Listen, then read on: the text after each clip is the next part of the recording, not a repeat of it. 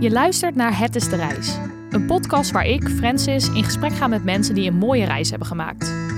Elke reis is anders, maar één ding staat centraal. De reis naar bestemming is minstens zo belangrijk als die uiteindelijke bestemming. Niet alleen hoppen van bezienswaardigheid naar bezienswaardigheid, maar juist echt genieten van het onderweg zijn. Kortom, het is de reis, niet de bestemming.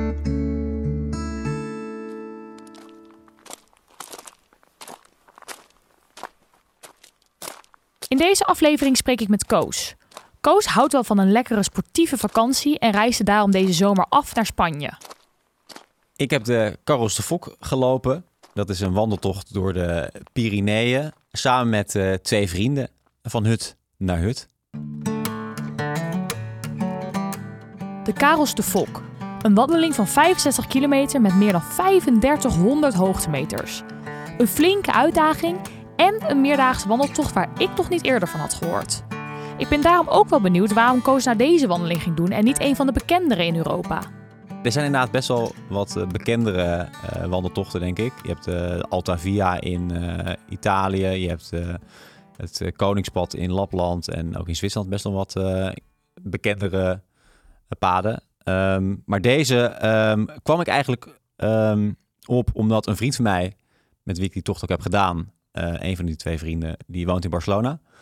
En we zaten eigenlijk te kijken, wat kunnen we nou in de buurt van Barcelona gaan doen? En we, wilden, uh, we wisten al dat we een wandeltocht wilden gaan doen. Dus we zaten gewoon in de buurt te kijken, wat kunnen we in de buurt van Barcelona doen? En dus, toen kwamen we eigenlijk gewoon door te googelen, zo simpel is het eigenlijk, kwamen we op de, de Carros de Fok. Ja. Uh, een wandeltocht, een huttentocht door de Catalaanse Pyreneeën. Dus het is echt aan de Spaanse kant en ook nog in Catalonië. Oké, okay. en is het op zich wel een bekende wandeling, dus binnen zeg maar de bergwandelcommunity? Of? Uh, ja, het is, het is wel. Ja, als je, ik denk dat als je eenmaal uh, begint met, met deze meerdaagse tochten, dat je op een gegeven moment wel op de Carros de Fok uh, komt. en hij is vooral bekend onder Spanjaarden. Dus, dus onderweg hebben we gewoon heel veel Spanjaarden gezien. ook wel Duitsers, Fransen. Maar ik denk dat hij wel wat minder bekend is in Nederland, want we zijn eigenlijk geen Nederlanders tegengekomen. Oké. Okay. Dat is Wat wel ook uniek. wel, ja, ja, wel uniek inderdaad. Ja. Ga een keer vakantie en geen Nederlanders, ook wel weer prettig. Ja. Um, er waren ook wel wat Israëliërs en één Australiër. Dat was een beetje de mix van mensen die uh, dan blijkbaar ook deze wandeltocht uh, kennen. Ja. Uh, maar ik denk dat die inderdaad niet zo heel erg bekend is. Dat klopt. Oké. Okay. En was het dan druk? Kwam je veel mensen tegen als je aan het wandelen was? Um, ik denk dat je elke etappe misschien maximaal tien mensen zag. Okay, dus niet, niet, niet zo heel veel. Uh, we waren zo'n, uh, laten we zeggen, zes tot tien uur per dag aan het lopen. Dus nee, niet zo heel erg veel. En ook wel veel dezelfde mensen die dan telkens in die hutten tegenkwamen, die dan ook daar bleven slapen. Um, dus in totaal denk ik, heb ik misschien 25 à 30 verschillende mensen gezien. Dus niet uh, extreem druk. Ja. Maar um, dat is ook wel lekker. Tenminste, dat vind ik ook wel, wel fijn, want je, je komt er toch voor de natuur. Ja, juist cool. Uh, en we wilden ook altijd, als we mensen een beetje achter ons uh, zagen opdoemen, die ook voorblijven. Dus we maakten ook altijd een beetje de sport van om dan een beetje tempo te gaan maken. Ook weer juist om mensen, le leuk om mensen in te halen. Dus uh, nee, we, we, deden ook wel een beetje ons best om niet tussen de mensen te lopen. Oké, okay, cool. En laten we even teruggaan naar de voorbereiding. Dus jullie hadden dit inderdaad uitgekozen. hoe heb je het toen voorbereid? Zeg maar, hebben jullie toen meteen dingen gaan boeken? Of is dat niet, is dat niet nodig?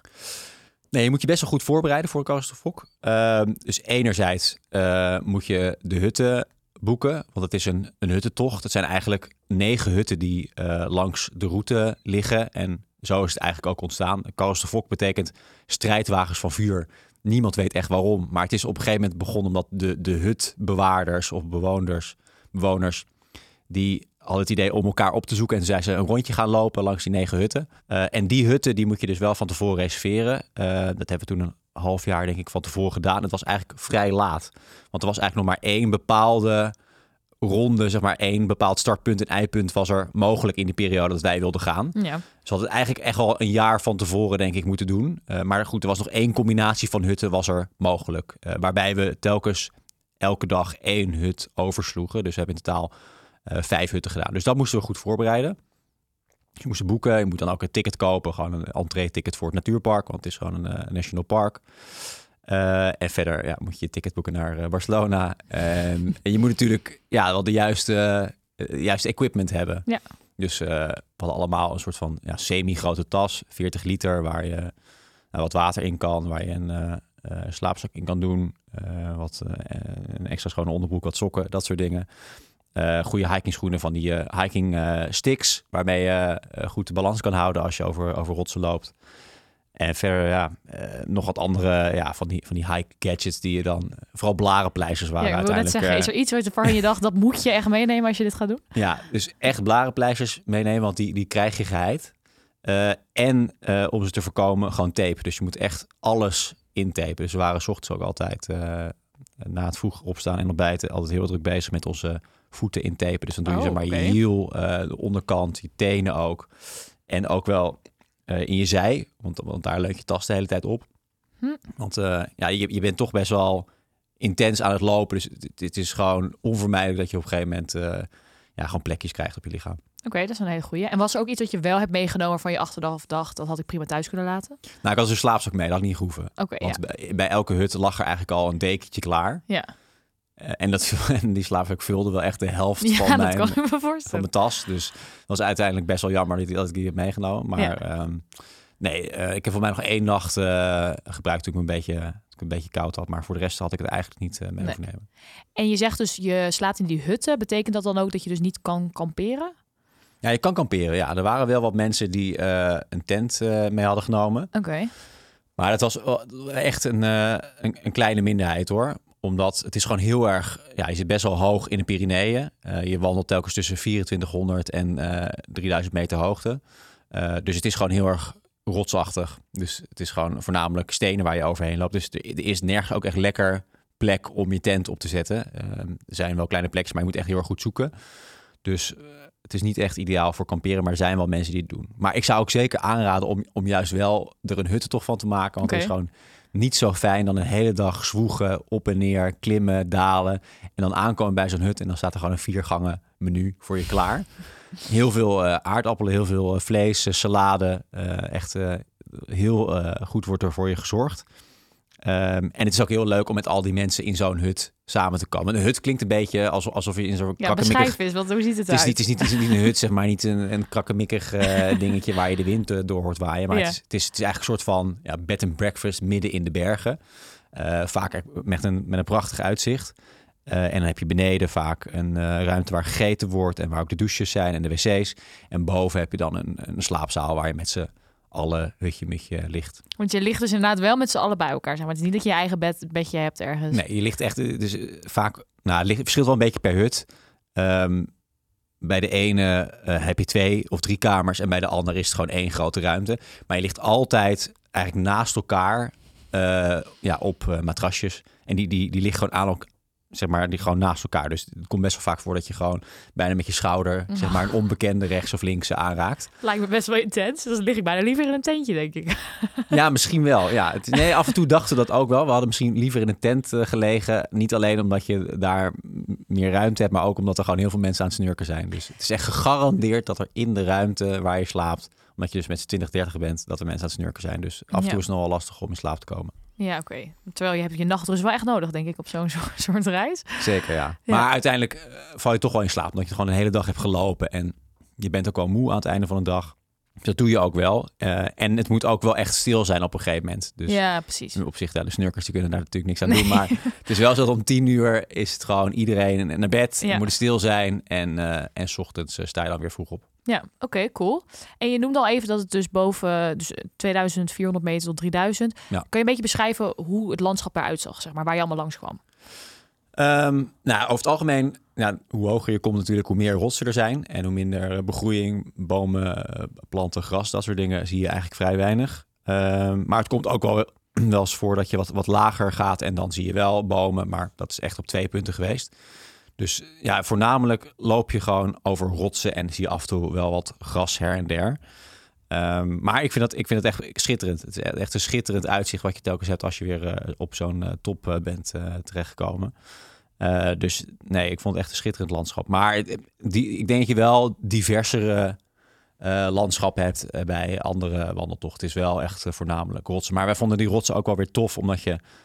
eh, het is ook wel weer een uitdaging om, eh, om over die rotsen heen te lopen. Soms waren gewoon echt soms van die enorme keien waar je van echt van, van kei naar kei moet, moet springen. Dus dat vond ik ook wel weer, weer tof juist om te doen. Dus Ja. ehm, nee, ik vond het eigenlijk wel heel... Avontuurlijk. eh. Ja, ik vond het heel avontuurlijk inderdaad dat het echt zo'n rotsachtig landschap was. Ja. Want jullie gingen dus vijf dagen deden jullie erover, toch? Ja, ja, vijf dagen. En hoe was dan dus zeg maar die route verdeeld over die vijf dagen? Hoe zag dat eruit?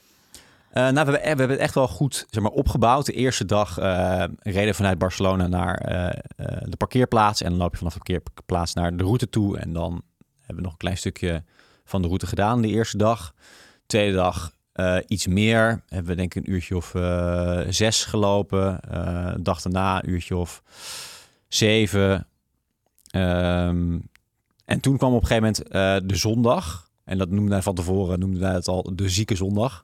omdat, dat, omdat we toen eigenlijk twee, twee etappes in één moesten doen. Waarvan één de allerzwaarste etappe van de hele ronde is. Ja. Daar moet je namelijk over rotsen uh, 700, 800 meter uh, stijgen. Dus echt van, van steen naar steen springen. En dat, uh, en dat echt twee, drie uur lang. En dan moet je daarna ook weer, weer omlaag. Dus, dus dat, was, dat was echt het allerzwaarste toch van allemaal. Heftig, ja. ja. dus we hebben ook heel vroeg opgestaan. Volgens mij half zes, zes uur al een beet. Half zeven, zeven uur waren we al weg. Ja.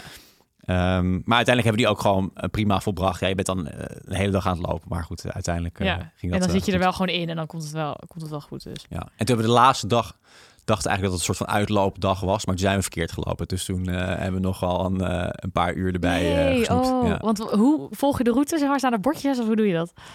Ja, er staan, zeg maar, de, route zelf is eigenlijk niet aangegeven, maar je, je wordt wel telkens van hut naar hut begeleid. Maar ja, een deel van de Coasterfok is dan weer voor mij GR11 en een deel is dan weer wat anders. Dus het, Oh, ja. het is een beetje een soort van samenstelling van verschillende officiële routes. Ja. Um, maar vaak moest je de, de rood-witte streepjes volgen die dan op stenen stonden of Oh, ja. op paaltjes. Dus op zich was het redelijk uh, te vinden. Maar we hadden ook een kaart mee en we wilden eigenlijk zoveel mogelijk met de kaart doen. En het ging eigenlijk heel lang goed. Ouderwets, ja. En af en toe checkte wel een beetje, want heel soms heb je bereik en ja, je kan met je GPS toch altijd wel een beetje meekijken. Maar op een gegeven moment uh, hadden we toch met de kaarten de, de verkeerde route gekozen en uh, Oh, waren we een kut. uur de verkeerde kant opgelopen. Ja. Wat, dan baal je wel, denk ik, of niet? Allebei ontzettend, ja. ja dat, was, dat was echt een beetje halverwege de, de allerlaatste dag. Ja.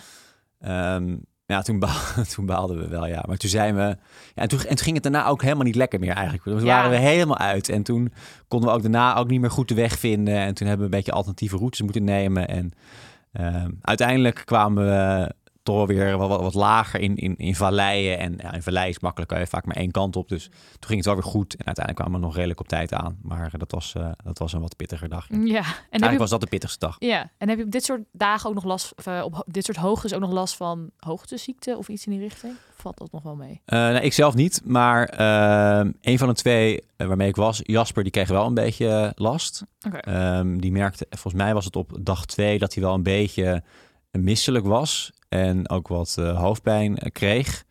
Um, maar goed, ja, die, die moest wel gewoon door natuurlijk. Dus Ja. die, die ging ook door, maar die voelde zich niet goed. Die kreeg uh, s'avonds ook geen hap door zijn keel. Dus dat was wel even pittig voor hem. Maar die is die nacht uh, of die avond heel vroeg naar bed gegaan. Die heeft een paar paracetamol genomen. En de volgende dag voelde hij zich alweer wat beter. Ja. Uh, maar ik dacht wel van tevoren, ja, ik, moet, ik moet wel voorkomen dat dit gebeurt. Want dat is eigenlijk wel het ergste wat er kan gebeuren daar. Want het is niet per se een hele gevaarlijke tocht.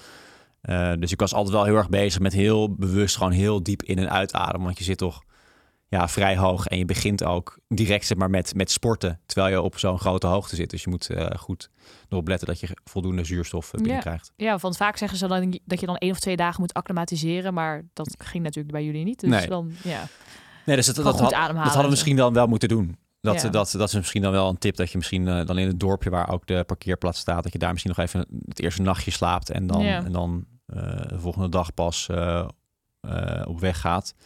Maar uiteindelijk ja, heeft hij ook gewoon prima de tocht kunnen doorzetten. Was, het, hij, is niet, het is niet, hij is niet doodgegaan. Nee. Dus dat is mooi. En eh, hoe was het met z'n drieën? Hadden jullie dit al vaker met elkaar gedaan? Zeg maar, hoe is dan zo'n dynamiek tijdens een wandeling? Uh, nee, dit hadden we niet met elkaar gedaan eerder. Uh, dus dat was echt de eerste keer dat we met z'n drieën gingen hiken. Um, dus nee, maar dat was eigenlijk, eigenlijk heel erg leuk. Um, ik, ken Jasper dan al heel lang. Dat is echt een vriend van, uh, van de middelbare school. Uh, en hij uh, kent Younes dan ook wel weer heel erg goed. En ik ken Younes ook wel een beetje. Elkaar wel eens een paar keer gezien. Uh, maar dat, dat klikte eigenlijk wel gelijk. Ja, je, je bent heel eh, veel met, met klimmen en dalen bezig. Dus er wordt vaak eh, niet gesproken. Dus dan ben je eigenlijk meer gewoon aan het zwoegen. En dan hoor je alleen maar je eigen ademhaling en de stappen die je zet. Ehm, maar ook op heel veel momenten werd er gewoon nou, lekker geouwehoerd en gepraat en eh, gezellig. En s'avonds hebben we met elkaar uh, boerenbridge gespeeld. Lekker kaartspelletje. Altijd leuk, ja. Dus het was elke avond was dat, was dat top. Dus nee, ik heb daar wel heel erg van genoten. Ik zou het zeker met, met andere mensen doen, inderdaad. Dat is wel het leukste om het samen te beleven. Ja. ja, dat kan me goed voorstellen. Anders zit je ook wel heel erg met jezelf in je hoofd de hele, hele dag. Ja, nou, en je kan, maar je kan onderweg wel mensen ontmoeten. Ja. Dus je zou hem wel in principe wel in je eentje kunnen doen, maar ja, iedereen die je wel tegenkomt is wel in een groepje. Ja, precies. Ja. En heb je nog bijzondere mensen ontmoet, tegengekomen, waar je dacht? Nou, ik weet wel één, één Duitse familie. Die kwamen uit, uh, ze kwamen uit Zwarte Woud. Dus echt uh, Zuid-Duitsland, een beetje tegen, tegen Zwitserland aan. En uh, ik weet nog wel dat we ze voor het eerst zagen en ze hadden hun kinderen mee. En die, ja, die vlogen echt over... Hoe oud waren deze kinderen? Heel jong? Of? Uh, nou, die waren denk ik wel ja, tussen, de, tussen de 14 en 17, denk oh, ja, ik. Ja.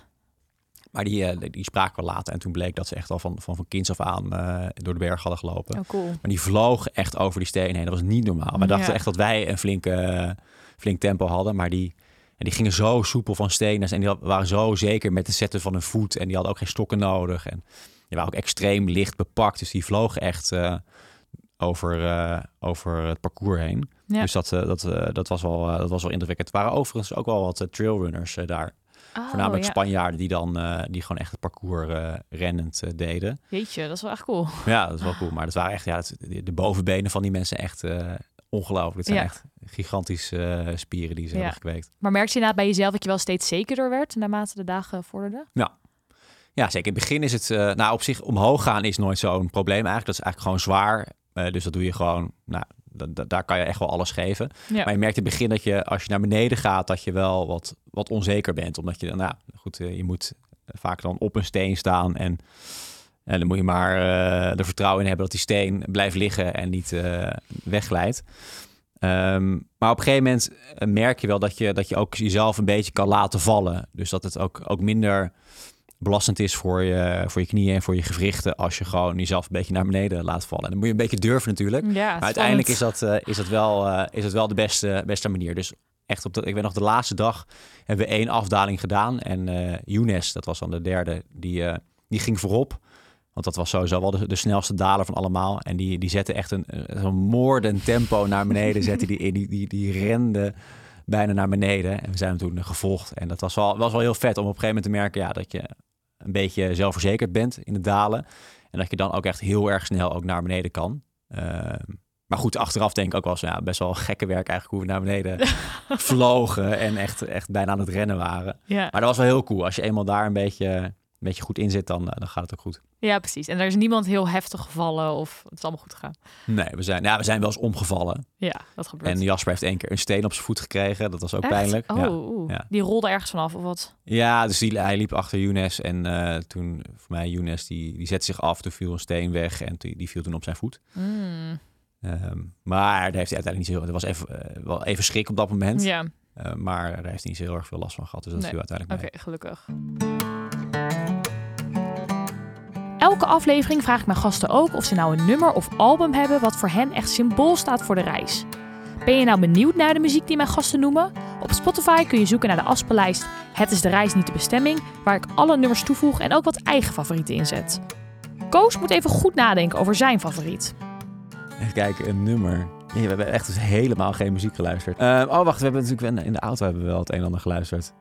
Nou ja, um, we, we, hebben, we hebben op de heenweg hebben een... Uh, een uh, Younes is ook DJ Oké.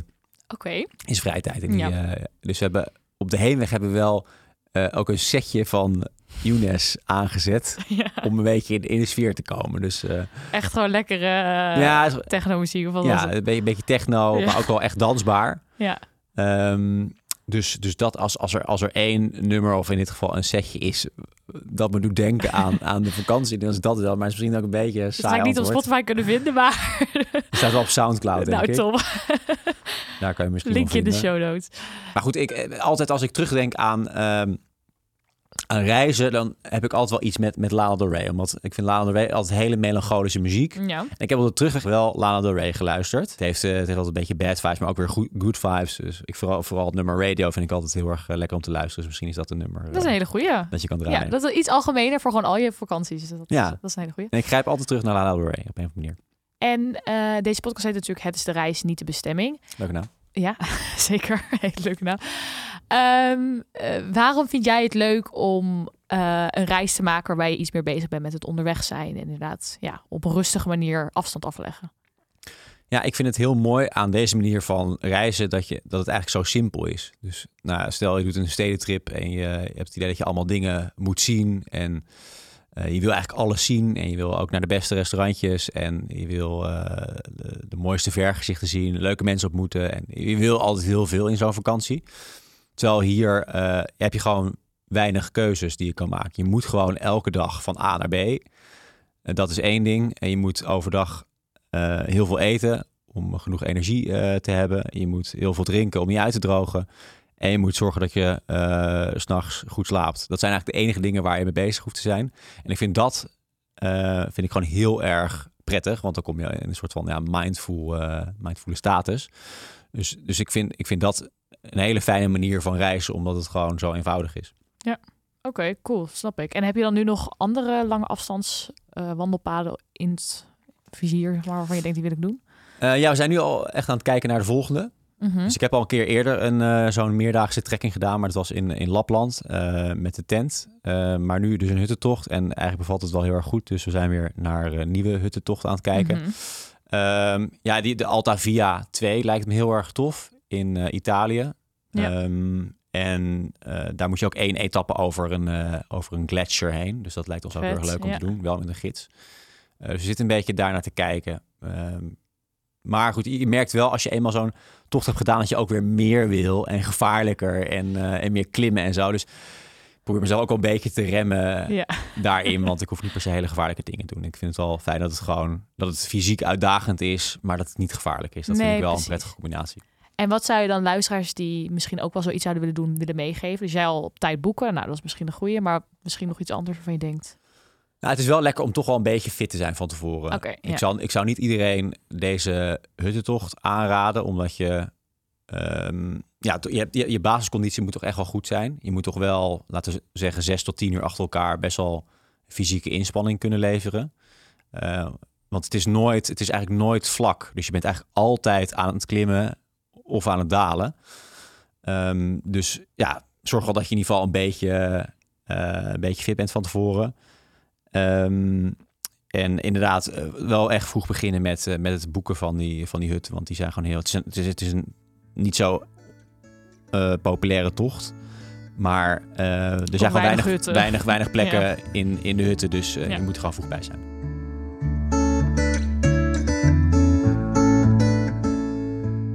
Dit was Het is de Reis. Benieuwd naar wat foto's van de reis van Koos? Check dan de Het is de Reis Instagram pagina. Mocht je nou luisteren en denken, hey, ik heb ook een vette reis gemaakt waarbij het onderweg zijn heel belangrijk was. Of heb je gereisd met een voertuig wat nog niet voorbij is gekomen in de podcast? Stuur me dan een eh, berichtje op Instagram en wie weet zit jij hier binnenkort wel in de studio.